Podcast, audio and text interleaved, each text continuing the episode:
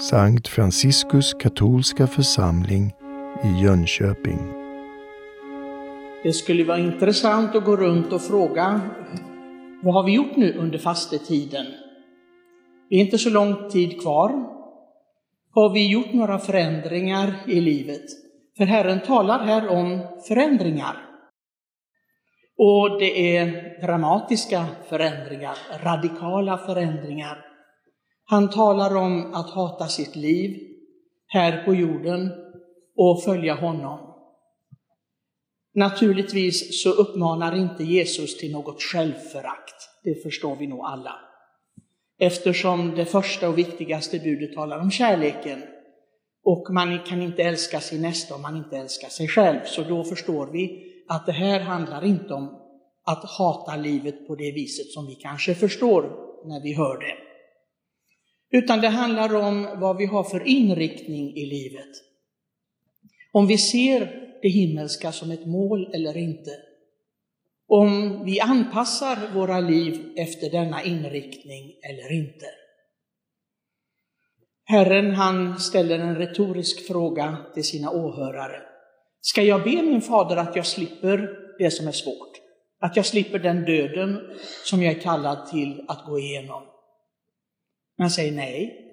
Jag måste gå igenom det som Gud fader har bestämt. Det är mitt öde, skulle man kunna säga. Och det är så för var och en av oss att vi måste gå igenom en död, och nu talar jag inte om den fysiska döden, utan den döden som är att gå in i Kristi liv. Och det handlar om att gå in i någonting mycket större än sig själv.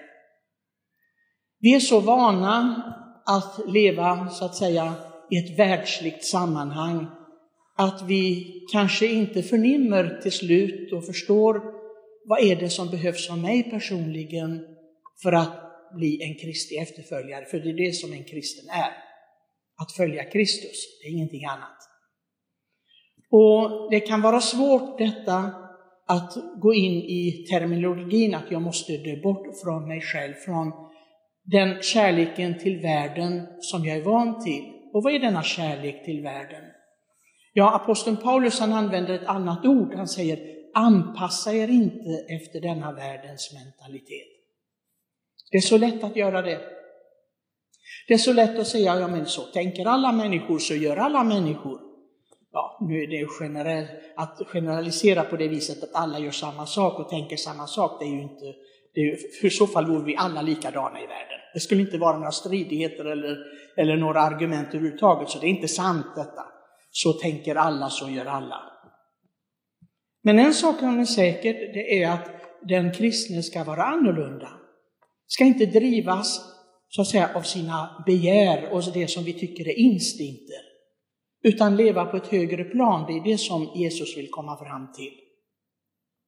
Och det är i många situationer under vårt liv som vi konfronteras med detta. Hur reagerar jag inför olika saker som händer? Hur reagerar jag inför en människa som jag tycker är besvärlig? Kan jag, så att säga, bemöta den människan med barmhärtighet eller inte och förstå i ödmjukhet, alla människor kan vi fela.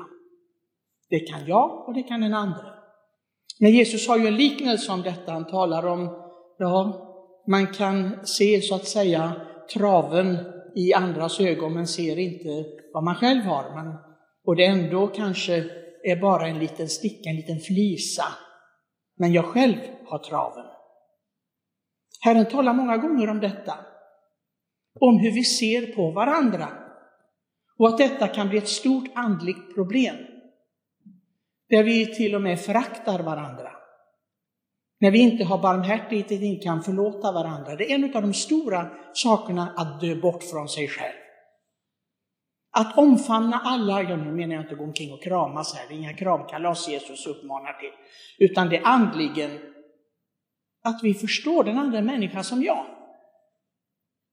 Och många gånger har det sämre och svårare och har gått igenom mycket mer än vad jag har gjort. Och att jag då ska ha förståelse.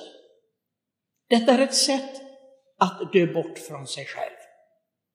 Det är mycket viktigt. I evangeliskt sammanhang är det mycket, mycket viktigt. Det är klart, vi vet alla att det finns många kristna som lever med oförsonlighet. Men vad är det för slags kristendom?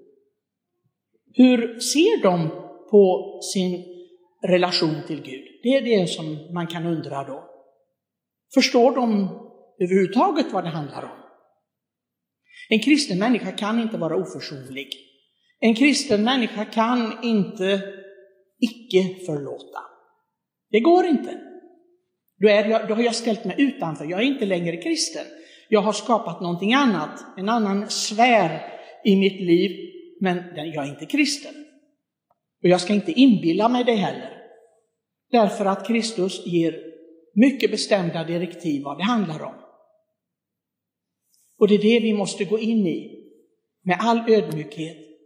Och det är därför som vi ber, så att säga, i responsoriesalmen som vi sjöng, skapa i mig Gud ett rent hjärta. Förståelsen av att mitt hjärta är inte rent. Jag har inte en ren själ. För det är så mycket som pockar och gror i mig själv när det gäller begär och, och liksom de tvång jag har, hur jag vill ha det, hur jag vill inte ha det och så. Istället för denna öppenhet som Jesus visar i evangeliet här, det är vad den himmelske Fadern vill för mig som, som jag vill. Och jag ska gå i frid genom detta livet. Den heliga Augustinus, en som man räknar som den främste av, bland de främste av kyrkolärarna, fäderna, han skrev ju sin berömda eh, bok Bekännelsen, en självbiografi, där han berättar om sitt liv långt ifrån Gud. Han prövade på precis allting.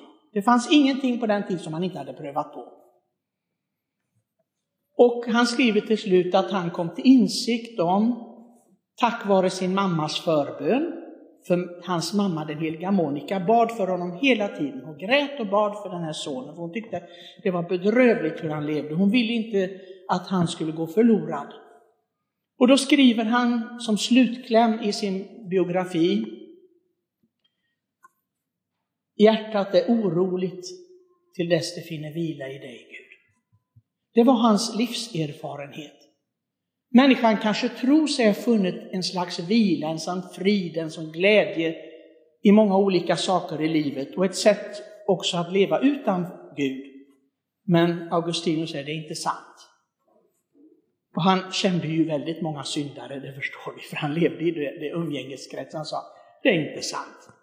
Ingen av dessa människor som lever utanför Guds gemenskap har egentligen en frid och glädje. De kan skratta och le hur mycket de vill, men där inne när vi gräver, nej. Det finns denna oro, ständiga oro. Och det ser vi ju i många människor. Är det inte det ena de ska söka så är det den andra. De är på det ena och det andra därför att de finner ingen ro, ingen frid. Och det är det som Herren uppmanar till idag. Han inbjuder till den här friden, att få den här gemenskapen med Fadern och gå den här, så att säga, vägen att dö bort från allt det som skiljer oss från Gud. Och det är ju inte bara en slags kamp som vi har nu under fastetiden, utan det är ju någonting som pågår hela tiden. Men mitt i allt detta så firar vi påsken, Kristi seger över döden, över det som är misslyckande i livet kan man säga. Allt misslyckande i olika former. För att påminna oss om, han har vunnit, han har segrat och vi följer honom. Vi tror på honom. Vi kan inte segra över livets nederlag utan honom, men med honom kan vi det. Och därför är det viktigt när vi ser i oss själva att, att vi är långt där nere i det jordiska bara. Vi bara gräver och vi grymtar precis som grisarna och, och håller på och bökar i, i, i livets jord där och, och, och sopor. Så ser vi på Herren och säger, fräls mig, rädda mig. Många av oss ber Jesusbönen dagligen. Jag tror att det är en fantastisk bön. Det är en fantastisk medel. Det är ett vapen, skulle jag vilja säga, till att strida mot det som är emot det himmelska i mig. Herre Jesus Kristus, Guds och Marias son, förbarma dig över oss syndare. Det förbarmande vi behöver. För när vi ser ärligt på våra liv så ser vi att det finns mycket som inte skulle finnas där. Det är många tankar, det är många ord vi säger, det är många saker som vi gör som egentligen är det himmelskt. Är det någonting som är enligt Faderns vilja, ger det ära åt Gud. För när vi börjar tänka på det viset, då har vi kommit mycket långt. Jag hoppas att var och en av oss går på den vägen. Att vi tänker i de banorna, för då finns det verkligen hopp om ett andligt liv, om en sann gemenskap med Gud.